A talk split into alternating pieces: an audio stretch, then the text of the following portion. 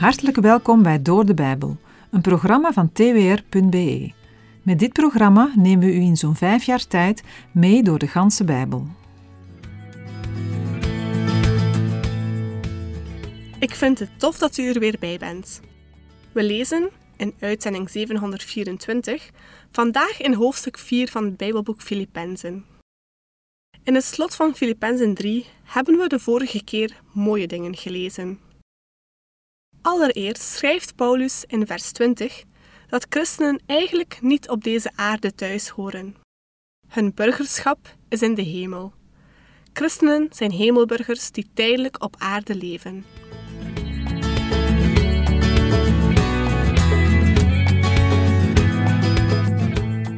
We gaan verder met Filippenzen 4, vers 4. Paulus neemt opnieuw het thema van blijdschap en vreugde op. Filippenzen 4, vers 4. Verblijd u altijd in de Here. Ik zeg het opnieuw, verblijd u.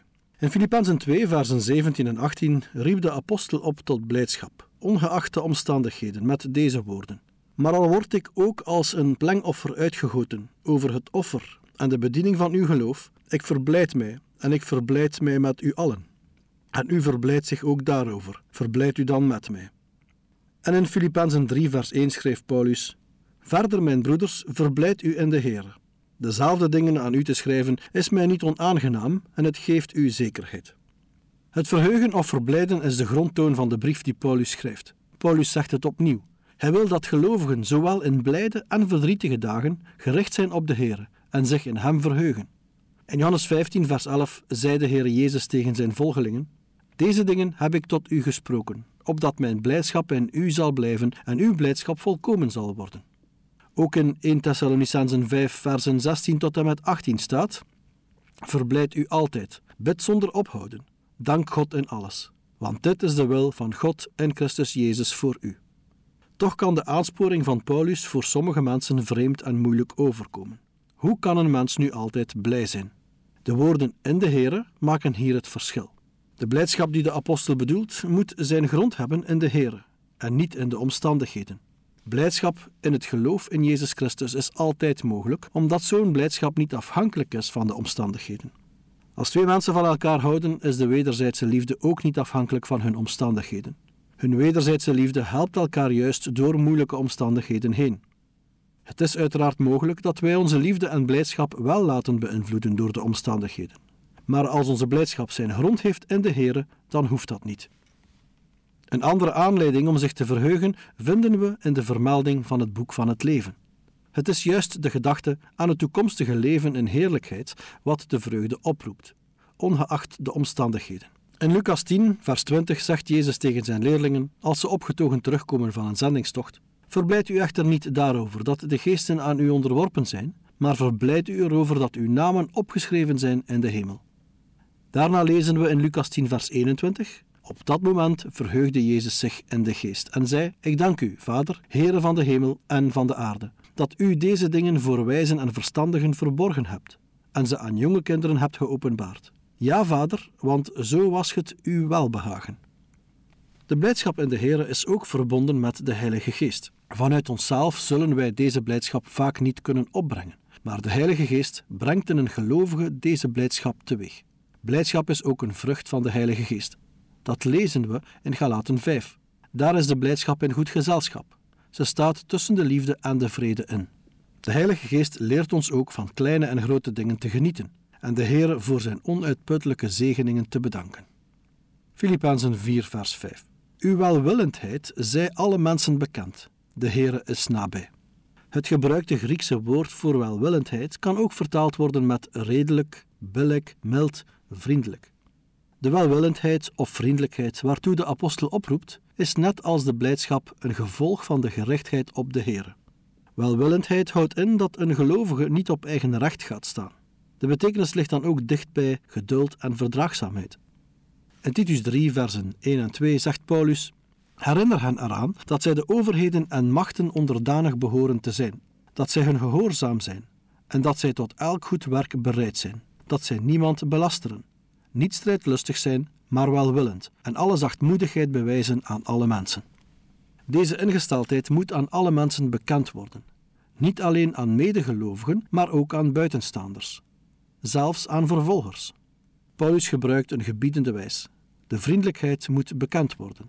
De reden voor dit gebod: de Heere is nabij.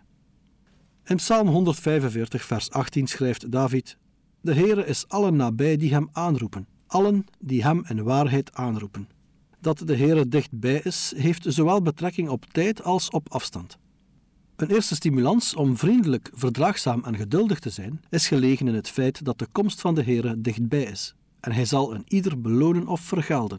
In Hebreeën 10, vers 25 staat: Laten wij de onderlinge bijeenkomst niet nalaten, zoals het bij sommigen de gewoonte is, maar elkaar aansporen, en dat zoveel te meer als u de grote dag ziet naderen.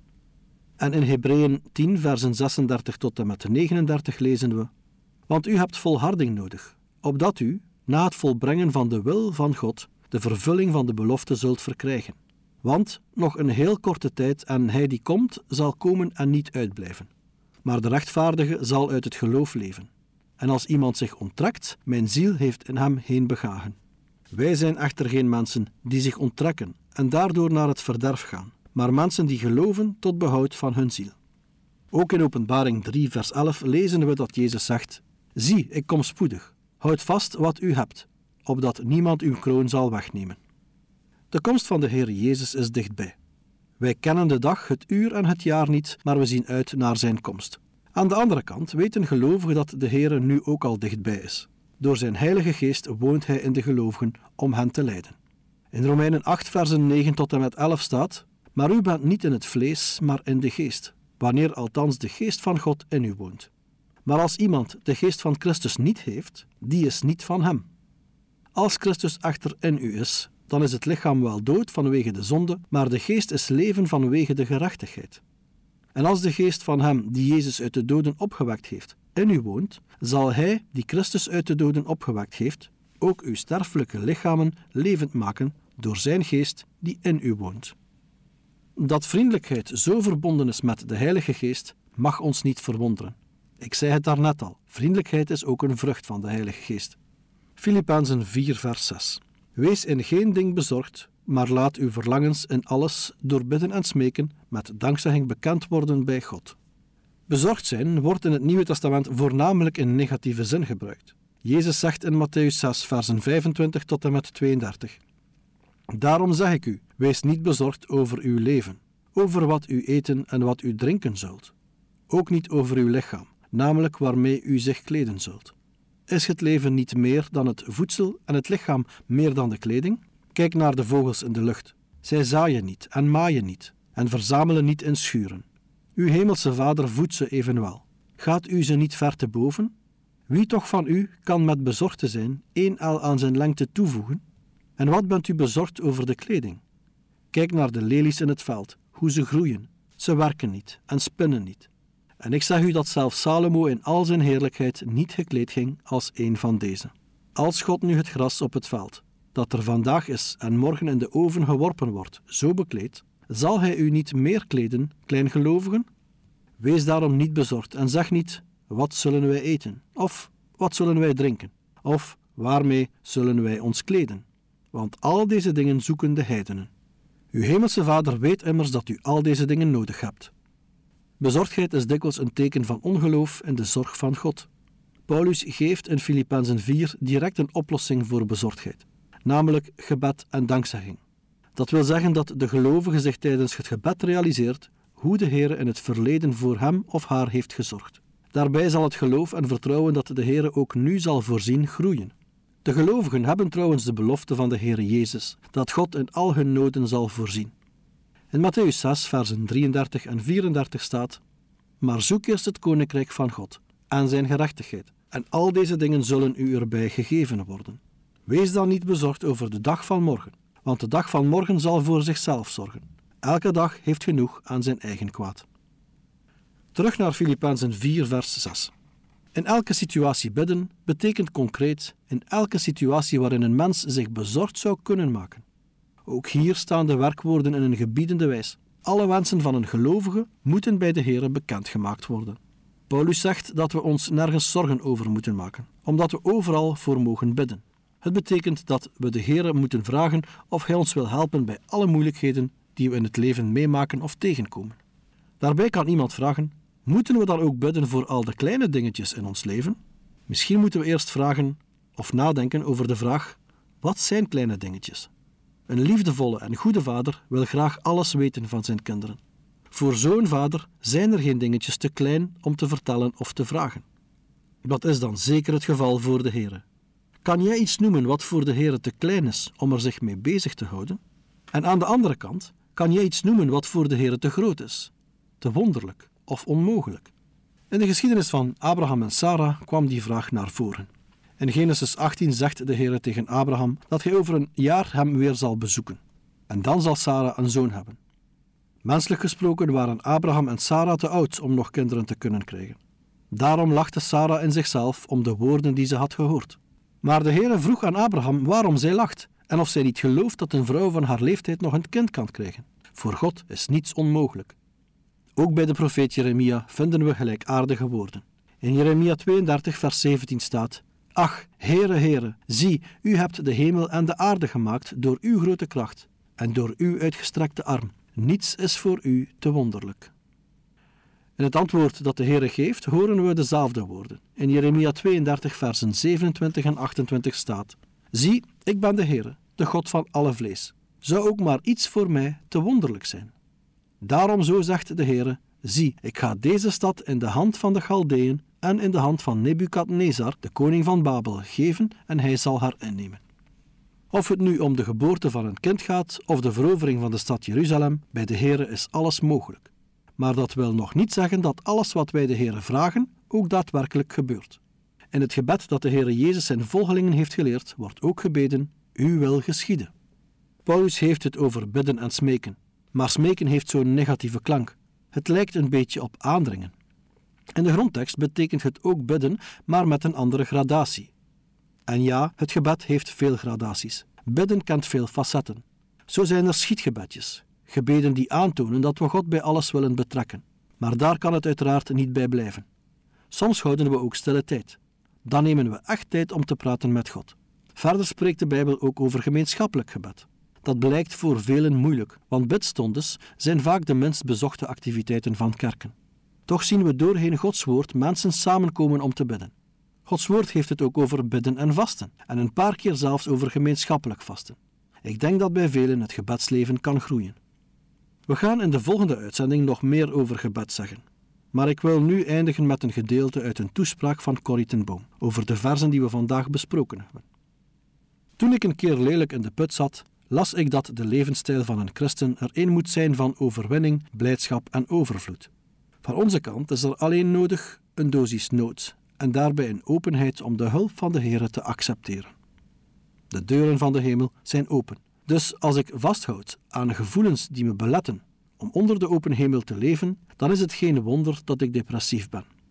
Ik schaamde me. Ik nam de Bijbel en las Filippenzen 4, versen 6 en 7. Wees in geen ding bezorgd, maar laten bij alles uw wensen door gebed en smeking met dankzegging bekend worden bij God.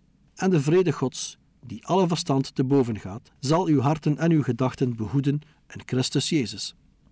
Ik zag ineens iets van de bedoeling van de Heer. De Bijbel zegt dat de vreugde van de Heer onze sterkte zal zijn. En dan is er nog iets, heel praktisch. We kunnen leren van de zegeningen die de Heer heeft gegeven en geeft.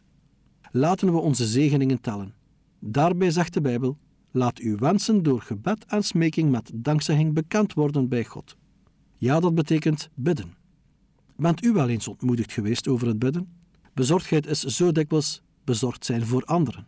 En juist met dat bidden voor anderen kan het zo lang duren voordat je iets van verhoring merkt. Ik heb gebedsverhoring ervaren na meer dan 70 jaar van mijn leven. Bijvoorbeeld, toen ik een peuter van vijf jaar oud was, vroeg ik de Heer Jezus in mijn hart te komen. En hij deed het. En hij heeft me nooit meer verlaten. Ik kreeg toen meteen een zorg voor mensen. Achter de Barteliori-straat, waar ik woonde, was de Smedestraat, waar kroegen waren. In die tijd zag je veel dronken mensen op straat, die dan opgebracht werden naar het politiebureau in de Smedestraat. Ik besloot iets te doen en ging bidden. Ieder gebed beëindigde ik met de woorden: Heere Jezus, wilt u de mensen in de Smedestraat redden en bekeren? Toen ik dat een keer op televisie mocht vertellen, kreeg ik een brief. Iemand schreef: Mijn man vond het zo leuk dat u vertelde dat u in Haarlem geboren bent. Hij heeft 17 jaar in de Smedestraat gewoond en werkte in het politiebureau. Hij en ik kennen de Heere Jezus ook. Een verhoring na 73 jaar. Luisteraar, wat bidt u voor de mensen in uw eigen omgeving? U heeft geluisterd naar Door de Bijbel, een programma waarin we in vijf jaar tijd de ganse Bijbel bespreken. De basis voor het programma is de Bijbelstudiereeks van Dr. Vernon McGee, Through the Bible. Het werk van Dr. McGee werd reeds in meer dan 100 talen bewerkt. Door de Bijbel is de Vlaamse versie.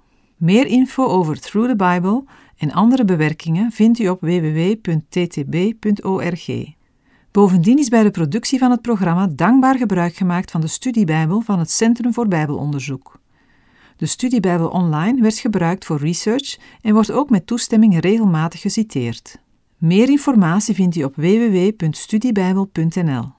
Wij raden een abonnement op de Studiebijbel-app aan, als u nog dieper op de Bijbel wilt ingaan. U kan elke werkdag naar een nieuwe uitzending luisteren en u kan ook steeds voorbije uitzendingen opnieuw beluisteren of downloaden. Als u wilt reageren op deze uitzending of u heeft vragen, dan kunt u uiteraard contact met ons opnemen. U kan een e-mail sturen naar doordebijbel.twr.be. Verder kan u op onze site terecht www.twr.be voor meer info en het beluisteren van onze overige programma's. Dit programma werd gepresenteerd door Patrick Couchement en Anne Notenboom. Wij danken u voor het luisteren en graag tot een volgende keer.